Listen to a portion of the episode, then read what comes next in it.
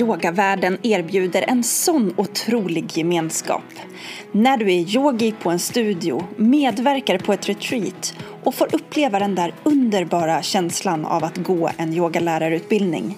Så mycket kärlek, förståelse, gedigna kunskaper och medmänsklighet på en och samma gång. Tyvärr upplever sällan yogaprenörer samma varma gemenskap och det vill jag ändra på. Du är välkommen till Yogaprenörpodden där jag, Angelica Henriksson, ger dig vad du behöver för att utvecklas som en hållbar yogaprenör. Men jag ger dig också en inblick i andra yogaprenörers verksamheter genom att intervjua dem om deras yogaprenörsresa. Låt dig inspireras, upptäcka hur mycket en yogaprenör kan göra och låt dig fyllas med ny energi. För nu nu har det blivit dags att få följa med på ytterligare en spännande yogaprenörsresa.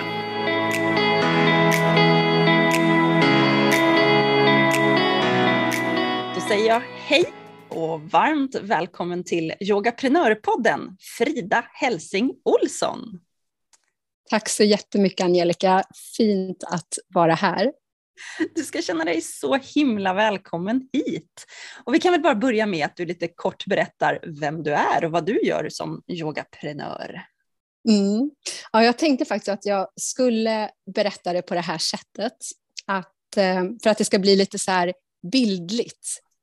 Så eh, jag sitter just nu i en eh, skogskyrka med eh, alltså vidundligt vacker natur utanför. Eh, det är både så här John Bauer-skog och eh, stora dammar som sträcker sig vid vår tomtgräns. Och det finns ett 12 meter högt torn i den här fastigheten där jag sitter med ett meditationstorn högst, högst upp. Tack, Tack för Gissa plats! Jag gissar yogaklostret och jag har varit där, men berätta mer. Ja, eh, yogakloster. Eh, det är ju en retreatgård som ligger eh, strax utanför Borås, som ligger strax utanför Göteborg, som inte, om man inte känner till det. Och vi har retriter, vi har tysta retriter, vi har eh, retriter där man inte är helt tyst, vi har också gångutbildningar, både grundutbildningar som man kan gå, men också vidareutbildningar, terapeututbildning igång, yogaklasser, eh, budoklasser som min man håller i. Och ja, vad mer? Vi säljer jättevackra gångar från Nepal. Oh, du öppnar upp för frågor och mer. Man vill bara veta mer. Men vi kan ju berätta för lyssnarna att vi har ju eh, mer än en sak gemensamt. Men en sak är ju att vi kommer från Norrtälje båda två. Mm, just det. Så våra vägar har ju korsats här. Sen har ja. jag varit och hälsat på dig och vi kommer nog in på det senare. Men jag tänker så här Frida, kan inte vi bara ta det från början? Vad liksom blev din kontakt, in, vägen in till yogan och till yogaläraryrket? Alltså från början så var det faktiskt så, det här var i slutet av 90-talet, jag var ungefär 16 år gammal, eh, punkare och jag älskade teater mer än allt annat på hela jorden. Så jag spelade teater och det var via teatern som yogan kom in. Så att vi fick eh, göra yoga varje, om det var varje dag, för jag minns det som att det var varje morgon på, på min teaterskola som jag gick. Men det kanske inte var, det kanske var en gång i veckan. Men vi gjorde yoga i alla fall och jag blev väldigt fascinerad. Det var en typ av hatha-yoga som vi gjorde. Så att det var min eh, första ingång till yogan kan man säga, eh, genom teatern. Och det är inte kanske så många som vet, för att jag har ju varit eh, kundalini-yogi eh, väldigt länge, så man kanske förknippar mig mest med kundaliniyoga. Men det var hatta-yoga från början. Det är lite spännande ändå. Och, ja, men, och jag då som undervisar eller lär ut i barn och tonårsyoga tänker ju direkt så här, vem var det eller hur gick det till att få de här 16-åringarna att tycka att yoga var intressant? Kommer du ihåg någonting? Alltså, jag tror inte att det var så mycket, alltså det var nog mer fokus på eh, hur yogan hjälpte en att bli bättre på scenen. Så att eh, det var liksom den, den ingången som var, det var inte så mycket fokus på att det här är yoga och nu ska vi göra yoga, utan det var yogaövningar förstod jag ju kanske egentligen senare, men eh, att det skulle hjälpa, alltså det, det hjälpte ju också, men just det här att det skulle hjälpa oss att bli stabila på scenen, att kunna uttrycka oss, att vara en, en grupp, att eh, ta hand om varandra på scenen. Så att det var liksom den ingången. Så det, det ja. Snyggt. Det var ju det vi brann för. Ja men visst. Ja, men visst. Mm. Min yogaprenörshjärna går ju igång på en gång i form av det där att, att erbjuda ett resultat och ha yogan som ett verktyg för att komma mm. dit. Där har vi ju ett praktexempel. Ja men berätta, vad hände sen då? Fortsatte du som punkteater-yogi? Uh, ja, det utvecklades väl på alla olika fronter där, men uh, när jag var runt, ja, lite över 20, då blev jag rätt så sjuk. Jag blev, fick ångest, depressioner, blev utmattad. Liksom livet kom i fatt. Jag hade levt eh, rätt så, rätt så destruktiv relation och liksom aldrig stannat upp och reflekterat och så här. Så att jag blev rätt, eller jag blev väldigt sjuk faktiskt. Och eh, bland annat så behövde jag träna på att gå eh, på stan. Så att, eh, och det här är alltså berättelsen om hur jag mötte kundaliniyogan. För att jag var och tränade på att gå på stan i vår lilla hamnstad Norrtälje. Eh, och eh, eh, ja, så att jag gick där och gick förbi konsthallen, ett väldigt vackert gammalt hus. Och där var en eh, A4-affisch. Och så stod det, det här var ju på affischtiden, och så stod det bara svarta bokstäver på vit bakgrund, yoga, torsdagar, 17.30 eller något sånt där. ja, och så var det en kurs då som man kunde gå. Och då gick jag dit den torsdagen och eh, träffade Åsa som var min första yogalärare då och mötte kundaliniyogan på det sättet. Och det blev en fantastisk resa på många sätt, det mötet. Ja, oh, vad kul. Och där, okej, nu pratar vi lite längre sen här utan att avslöja din ålder på något sätt alls. Men, men lappar på stan funkar, punkt. Så, mm, precis, precis. I alla fall då gjorde det det. Ja, fast det kan ja. hända funka nu också till om vi är ute efter det kan säkert en lokal publik. Ja, men vad mm. häftigt. Mm. Men, men, steget från att vara på konsthallen och gå på yoga en dag i veckan till att bli yogalärare, vad hände där? Ja, alltså det här var 2004 ungefär. Och eh, så gick jag på den här yogan en gång i veckan ungefär ett år. Och sen bestämde jag att, för jag blev väldigt, eh, jag mådde väldigt bra av kundaliniyogan. Så att 2005 bestämde jag att nej, jag ska lära ut. Och då hade jag alltså inte gått någon lärarutbildning eller någonting, utan jag sökte mig till ABF i Norrtälje. Och där höll jag, jag fortsatte att gå på yoga också, men på ABF i Norrtälje så höll jag yogaklasser. Det var en kombination av hatha-yogan, lite av kundalini-yoga som jag hade lärt mig och någonting som kallades de fem tibetanerna och meditation.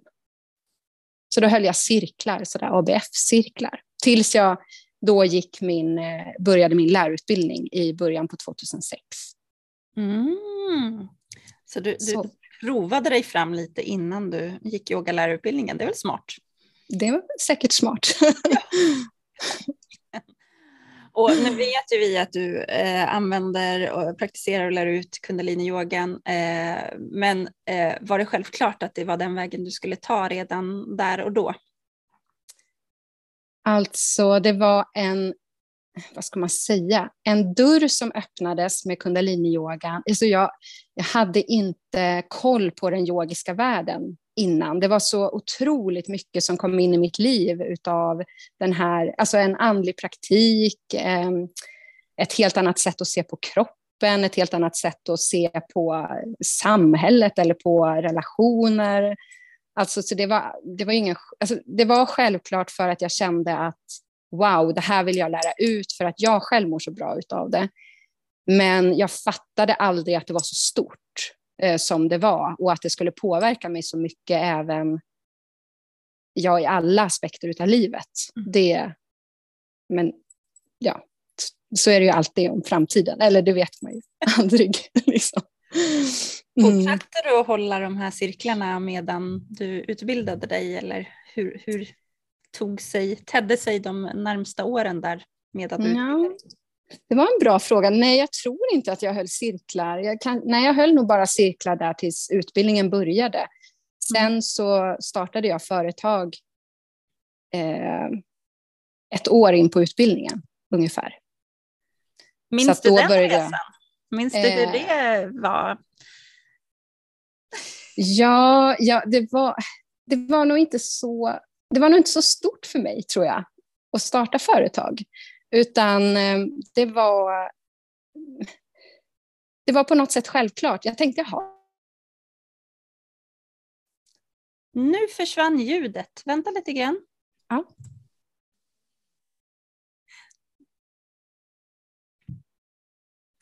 Kan du berätta lite om hur det var att ta steget där och starta det egna företaget? Eh, alltså det var inte, för mig var det inte så stort steg att starta företag. Det var rätt så, det bara hände på något sätt. Alltså, eh, jag förstod att man kunde starta något som hette enskild firma. Man skulle fylla i lite papper och skicka in. Och eh, ja, tänkte jag att ja, men jag gör väl det. Det låter ju bra för att eh, eftersom jag ville hålla klasser och och få intäkter så behövde jag ju eh, ha ett företag. Så jag tyckte att ja, det var väl det mest självklara på något ja. sätt som jag kunde göra. Varför jag lyfter den frågan är för att det här är verkligen en vattendelare. Vi har de som liksom startar eget företag som bara ja men att starta det var inte grejen. Det är inte det som är det hela. Men sen har vi de som står där och är jätte jätte, liksom, alltså själva steget till att fylla i de där blanketterna och ta steget är så himla stort. Jag vill bara lyfta att det, att, jag menar, det finns inget rätt eller fel här, men, men för en del så är det bara en liten, en liten sak man tar sig över och går vidare med och för andra är det mm. liksom det stora. Men, men du sa det direkt, mm. du intäkter, du tänkte så här, det här ska jag jobba med, det här ska jag använda mig utav. Alltså, Ja, ja, jag vet inte om jag tänkte så riktigt, men jag förstod att det var behändigt att ha företaget eftersom jag skulle få intäkter. Eh, för mig var fokuset väldigt mycket på min egna, egna praktik, alltså utvecklingen som jag själv gjorde, den, liksom den andliga resan. Sen hade jag ju företaget också, men jag var inte så strukturerad i att jag hade en plan vad jag skulle eller så här, utan jag lät, jag lät liksom allting visa mig vägen, vad jag, vad jag skulle någonstans. Mm. Och när du var klar med utbildningen, blev du då 100% yogaprenör eller var befann du dig då? Ett tag jobbade jag bara med yogan, men sen har jag fram till för jag gick en tvåårig lärarutbildning, så jag var klar 2008.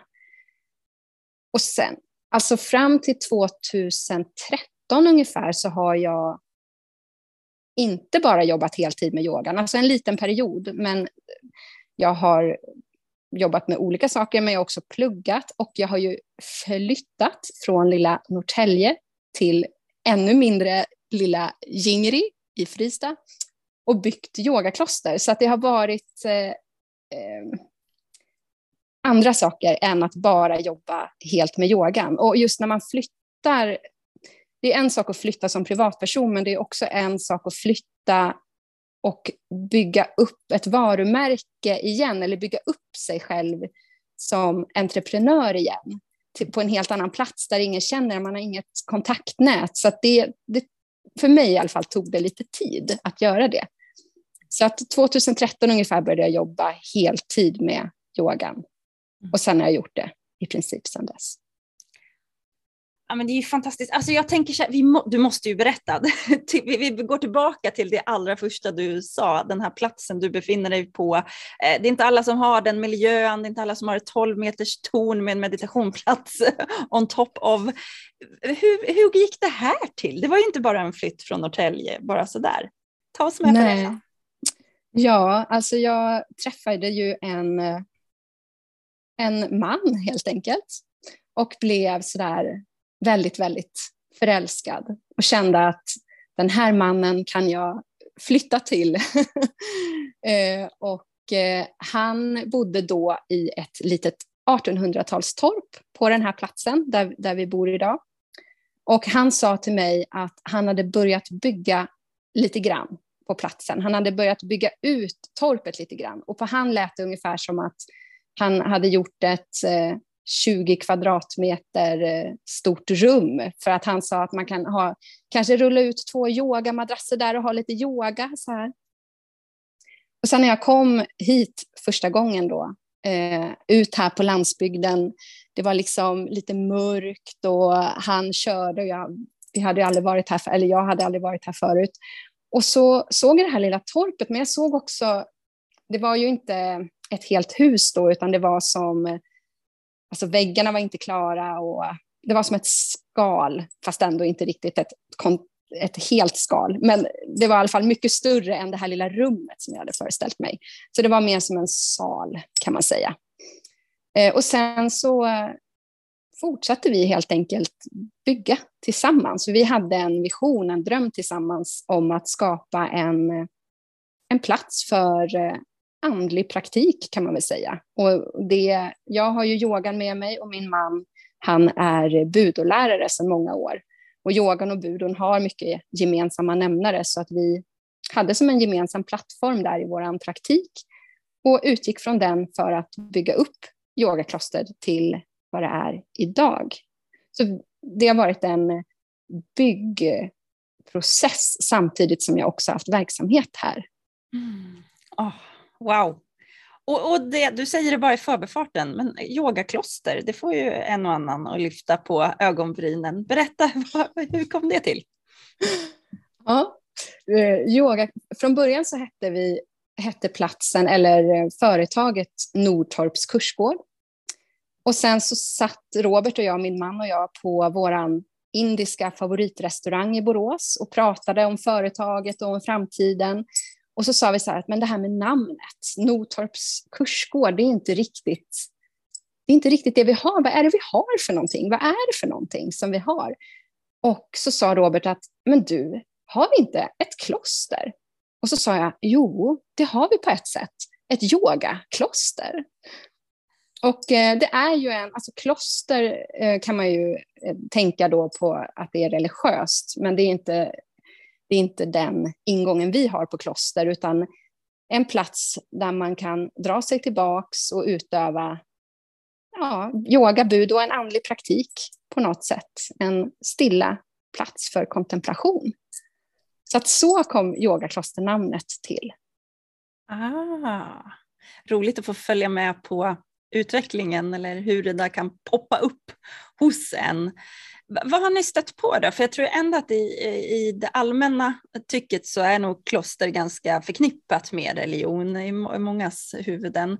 Vad har ni stött på? Något, liksom, något som har stärkt er, något som har varit en liten utmaning? Hur har det gått till?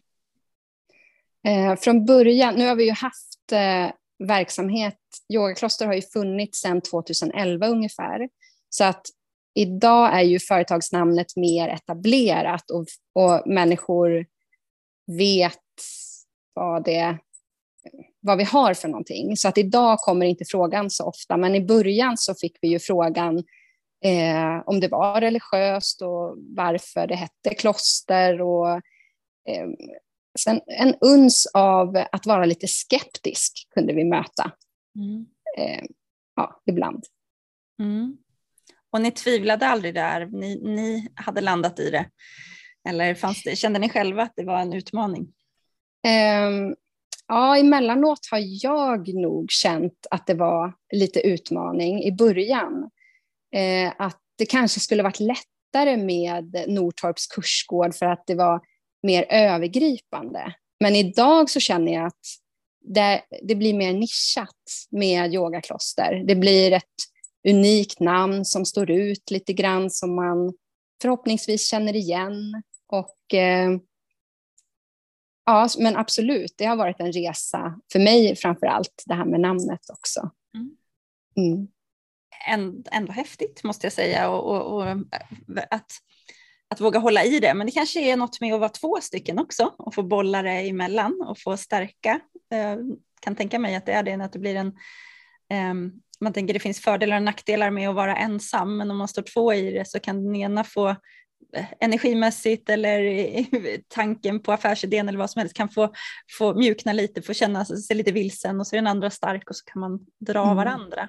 Har du känt så? Ja, absolut, det är, ju, det är verkligen en fördel på en hel del sätt att vara två ibland.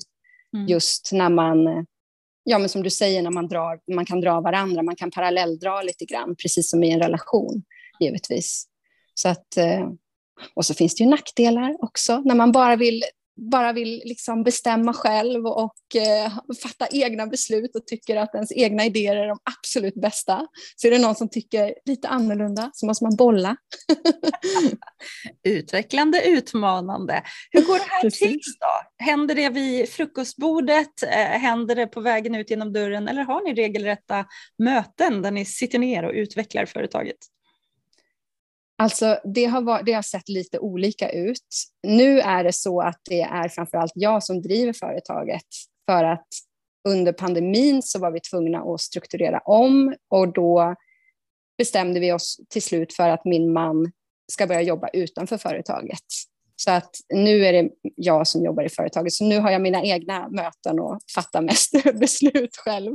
Men annars har vi absolut haft eh, sådär eh, hej, nu måste vi ha ett företagsmöte, väldigt seriöst, och så har vi ett företagsmöte istället för att man, ja, så att man, och, och, ja, gärna så där att man eh, går utanför hemmet.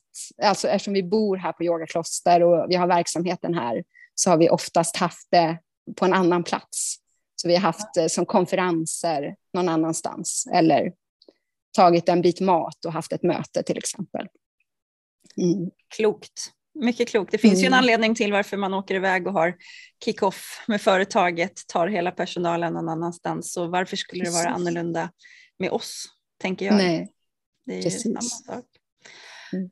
Okej, okay, ja men ska vi det känns så tråkigt att gå in i pandemitider. Får jag stanna kvar där någonstans runt start? Eh, det, började, det var ju ett byggprojekt och jag, första gången jag kom och besökte er då, var det fort, då fattades det fortfarande färg på väggar och det var ett, eh, lite grann av en, en byggarbetsplats men eh, potentialen i platsen ja, den stod ju skriven där, det, det fanns det ju inget snack om och en speciell lokal och, och så ni som grädden på moset.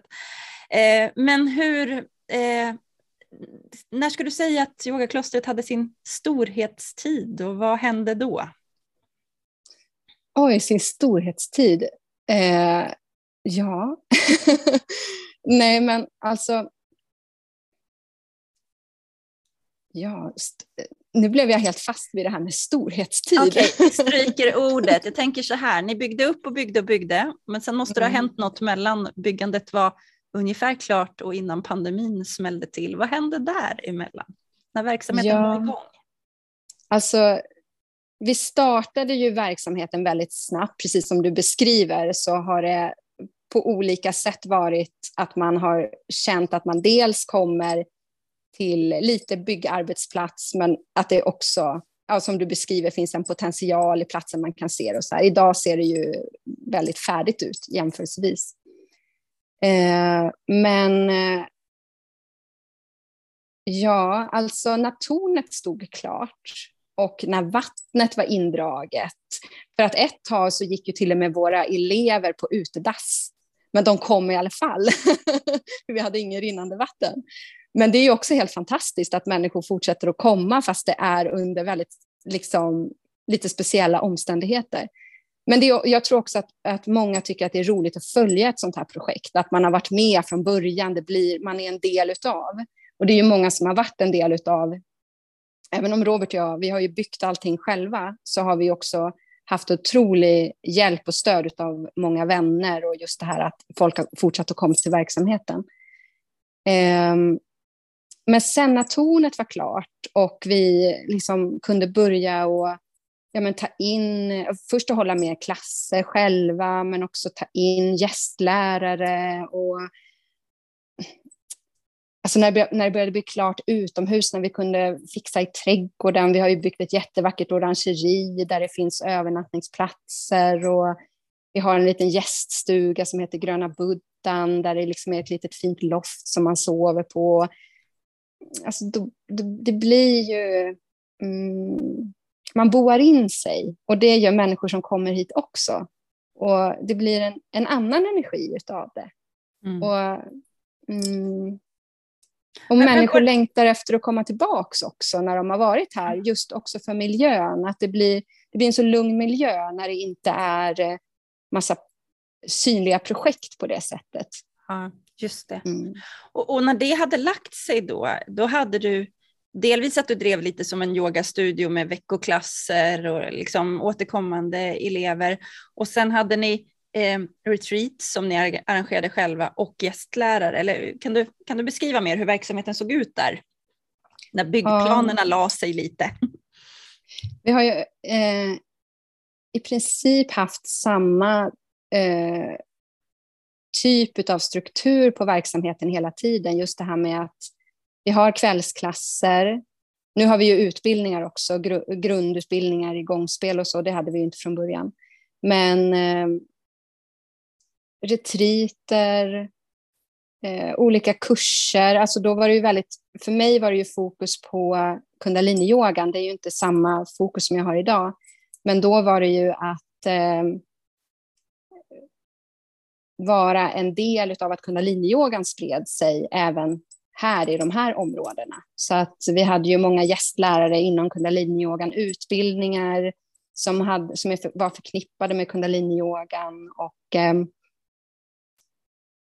ja, vi, hade, vi har haft gästlärare från Amerika också som har varit här i budosammanhang. Och, men det är ungefär så som verksamheten ser ut idag, förutom att vi inte har riktigt samma inriktning längre.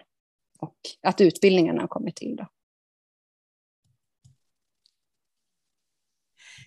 Så då blir jag ju nyfiken om det här med, vad säger du om inriktningen nu då? Vad har, vad har skiftat sedan stora fokuset på kundalinin och du pratar om utbildningar? Berätta, vad händer nu?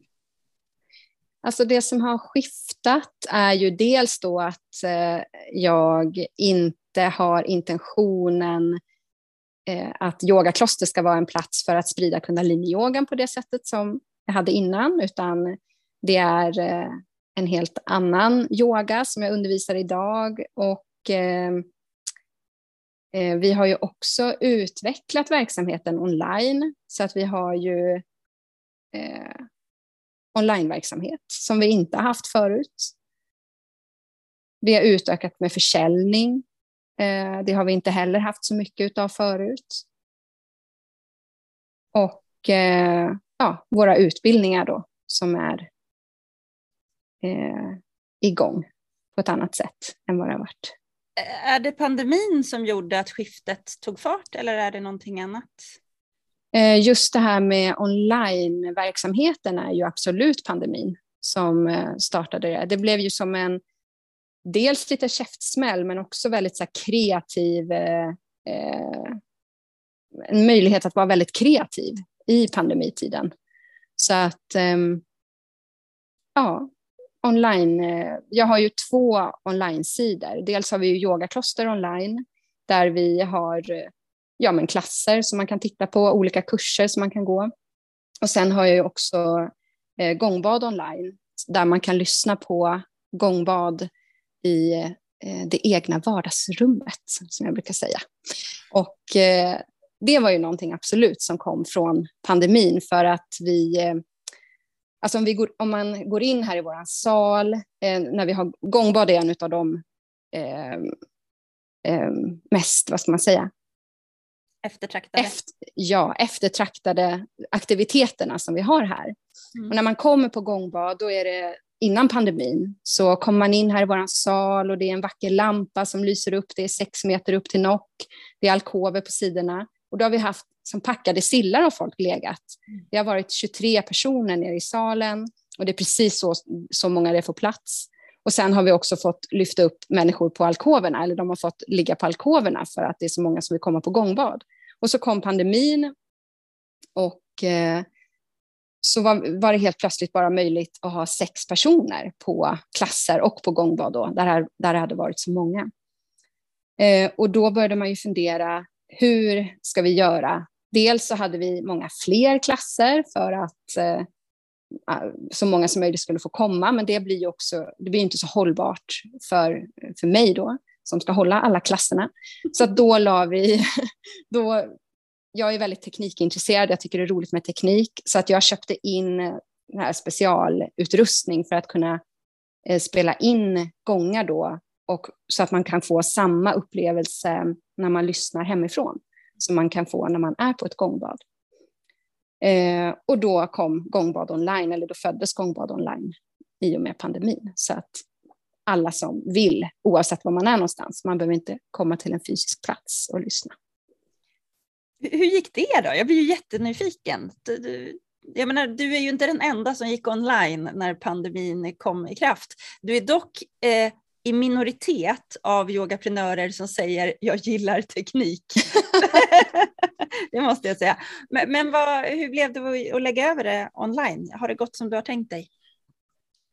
Eh, alltså yogakloster online, lite segare än vad jag trodde. Jag trodde att många skulle tycka att det var så här, absolut det bästa som kunde ha hänt. Att de kunde, alltså de som gillar yogakloster då menar jag, att de kände så här, åh nu kan vi få ta del av yogakloster hemma. Men de ville bara komma hit. Så att det var, det var, det, det var lite segare. Mm. Gångbad online funkar något bättre. Mm. Eh, och eh, ja, det är ju också särskilt från yogakloster. Även om det är yogakloster som har gångbad online så står ju Gångbad online för sig själv som en egen verksamhet, även om det är samma företag som mm. Yogakloster. Men, Men ja. Eh, jag tänker, är du inte väldigt ensam i din nisch, i alla fall på den svenska marknaden, eller? Med gång? Ja, det finns några som har eh, gånginspelningar, men kanske inte så tydligt som Gångbad online då, utan att dels att de kanske har det i samband med att de har annan onlineverksamhet mm. eller eh, att de har lite mindre skala, eller man ska säga. Ja, just mm. det. För du passade ju på att boosta med att eh, skapa en podd kring gångar samtidigt. Ja, men precis, det gjorde jag. Eh, och eh, dels så tycker jag väldigt mycket om att lyssna på människors historier. Så att jag ville skapa en podd där det fanns möjlighet att lyfta upp eh, gångspelares eh, berättelser, precis så som du intervjuar mig nu. Mm och ta del av deras eh, ja, men resa i ljud, ljudens, judarnas, gångarnas värld. Eh, och, och, givetvis var det en, en boost för gångbad online, eh, så att eh, man visste om vad gångbad online var för någonting. Mm. Ja, men du ökar ju mm. synligheten med hur mycket som helst, tänker jag. Verkligen. Genom ja, verkligen.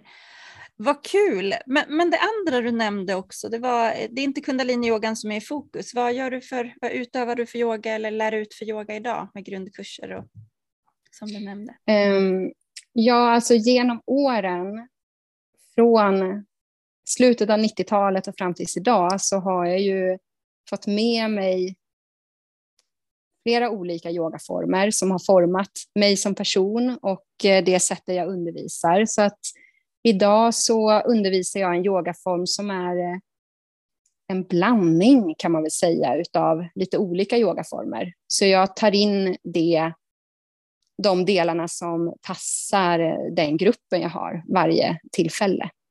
Mm. Hur marknadsför du det då? Är det yogaklostrets yoga eller har du satt något namn på det? Jag brukar marknadsföra det som mjuk yoga för de som behöver återhämta sig. Mm. Eh, och Ehm, jag har inget specifikt namn på yogan, utan jag brukar mer specificera det utifrån vilket behov som, som de som kommer har. Mm. Så att eh, det inte är någon som vill göra fysisk yoga och så kommer de, så funkar, alltså, då, då vill de inte vara här. Utan Nej. att det är väldigt tydligt då, vad, de, vad de får. Det är väldigt lugnt återhämtande. Ja. ja. Har du riktat in dig på en specifik målgrupp eller är det det geografiska området som styr för dig? Alltså det är nog mycket det geografiska området, fast för mig har det framför allt nästan alltid varit, och det tror jag är kanske, eller kanske olika, det vet du bättre, men för mig har det nästan alltid varit kvinnor i medelåldern som kommer på mina yogaklasser, oavsett om jag har haft väldigt fysiskt kraftfull kundalini-yoga eller om det är mer eh, mjukare hatha-yoga eller vad det kan vara. Ja, det, det, ja, nej men det, de är stark, en stark målgrupp är medelålders kvinnor, så är det ju bara. Eh, mm. Men det gör ju dessutom, om man tänker du som lyssnar, att det finns ju en massa målgrupper som inte passar in där, som är potentiella målgrupper att jobba emot. Mm. Ja, vad, vad, roligt, vad härligt att höra att det, det, utvecklas på det sättet och det är väl lite av skärmen av att få vara en yogaprenör, att man får ta till sig av kunskaper och eh, lägga in i gott och blandat påsen och kunna ge det som behövs i stunden. Men jag blir ju också jättenyfiken på eh, utbildningarna. Berätta om utbildningarna du har. Mm. Eh, vi har ju gångutbildning och eh, gång är ju ett eh, instrument som ofta följer med i yogasammanhang. Från början tror jag att det var att man såg gångar mycket på kundaliniyogaställen, de här stora symbolerna med vackra mönster som ger en otrolig vacker ljudvibration som gör att människor som lyssnar kommer in i ett djupt eh, avslappnat tillstånd. Och eh, det är ju någon slags eh, gångbom idag, som, liksom en, som en tsunamivåg av gång som sprider sig i Sverige. Eh, och det tror jag beror på att det är så enkelt att lyssna på gång. Man behöver inte ha någon erfarenhet, man kan bara lägga sig på en madrass och vila. Så att eh, vi håller då grundutbildningar i gångspel för de som vill lära sig att hålla i gångbad för grupper. Och det är ju framför allt yogalärare skulle jag säga som är intresserade av det här. För att det är ju en, det är ju en boost även till den egna verksamheten om man ska titta på det entreprenörsmässigt. Att, eh, att ha, om man har en yogastudio till exempel, så tror jag att många som kommer idag kan fråga efter gång, om det finns gångbad att komma till. Eh, och även om man inte har en yogastudio utan bara är yogalärare eh, ändå, så kan man ju utöka sin verksamhet med att även kunna hålla gångbad för sina eh, för deltagarna som kommer. Ja, så att jag, vi har grundutbildning. Ja, nej men jag kan bara hålla med. Vi, eh, när jag drev Studio Karma så skaffade vi gångar Eh, kanske de fyra sista åren jag drev eller något liknande så blev det att vi började. Eh, och otroligt komplement till liksom mm, både det ena och det andra. Och om jag får, en sak som verkligen funkade hos oss, det var ju att vi hade kortare klasser på lunchen i form av att man kunde gå egentligen vilken yogaform som helst i kanske 45 minuter och sen hade vi en femminutare emellan så att de som behövde pipa ut och gå till jobbet och bara hade tid med 45 minuter, de kunde göra det. Och sen efter fem minuter så började det ett gångbad, en gångvila kallade vi det för därefter. Så den som ville kunde ju få en 75 minuters klass på lunchen. Den som ville mm. kunde bara, jag gör sådana här tecken, det hör inte våra lyssnare, men mm, bara eh, få eh, en 45 minuters klass av mer fysisk yoga eller bara komma på den där kom och lägg dig ner och bara återhämta dig med hjälp av gångarna. Vi hade också yoga nidra som alternativ. Arbetsnamnet internt på de här halvtimmarna, de kallades ju för kom och ligg på lunchen. De gick bra ska jag säga. Kom och ligg lunch. Vi eh, sålde inte det externt eh, så, men eh, det var väldigt, väldigt populärt och jag kan tycka själv att under de sista åren som jag ledde väldigt mycket klasser själv, så ett sätt att funka mer hållbart som yogaprenör, det var ju också att den dagen man kände sig liksom lägre i energi istället kunna bjuda på ett längre, en längre gångvila i slutet mm. av klasserna till exempel. För vi är inte mer än människor, så det kommer ju alltid dagar när man inte har full energi av att stå där och guida vidare och då är mm. det ja, yoga nidra och gångarna har ju varit min räddning många gånger för att orka själv som lärare. Mm. Mm. Så det, det, förstår, jag förstår att du, att du märker att det ökar. Och då blir jag ju så här superglad när jag hör att då har du dessutom skapat en utbildning för att folk efterfrågar detta. Två, mm. du har också startat en försäljning av gångar. Ja, precis. Jag ska också säga att vi har också vidareutbildningar i gångbad. Eh, ja. Så att de som vill fördjupa sig, man kanske har gått en grundutbildning, så kan man också gå steg två-utbildning och fördjupa sig. Och man kan gå terapeututbildning om man vill ta emot enskilda klienter. Och wow. sen så har vi också då försäljning av helt fantastiska gångar. Det är, det är precis nystartat, så vi väntar på andra leveransen av eh, gångar nu. Det är från Nepal. För första leveransen tog slut på, jag vet inte, det gick fort. en vecka, en och en halv, så var de slut. Grattis. Grattis. Okej. Okay. Ja, och där kan det ju inte heller vara så många på marknaden som säljer gångar i Sverige, tänker jag. Nej, det är inte så många. Men eh, eh jämförelsevis med eh, liksom när jag började spela gång, alltså min första gång den köpte jag i bagageluckan på en Volvo på en parkeringsplats i Norrtälje. Eh, liksom var en kvinna som var soundhealer som kom och hon hade paketerat den med massa filtar och vi hade bestämt en plats där vi skulle mötas, där hon hade min gång med sig. Så det ser ju helt annorlunda ut idag med att man kan skaffa sig en gång i en, en butik där de säljer gångar och så. Eh, men ja, det är ju inte, alltså, man kan ju köpa gångar på andra ställen givetvis också. Men är, i Sverige är det inte så många som säljer gångar, det är det inte. Nej. Hur, eh, nu sa du att du precis har kommit igång här då, men eh, känner du att det är genom gångbad online och genom dina utbildningar som du hittar dina kunder för gångbaden eller letar du kunder utanför också? Eh, för gångarna, ja det är absolut tanken är mycket, eller från början var tanken mycket att de som har gått grundutbildning skulle kunna köpa sin första gång mm. eh, då efter utbildningen, för det är ju man ju sugen på när man har gått utbildning. Mm. Så att, eh, men sen så, ja det finns ju en eh, gång-community i Sverige eh, som man eh, som växer och växer och eh, det är klart att det är många som blir intresserade utav dem även som inte har gått på utbildning hos mig. Mm. Så är det, mm. absolut. Vad roligt, jättekul.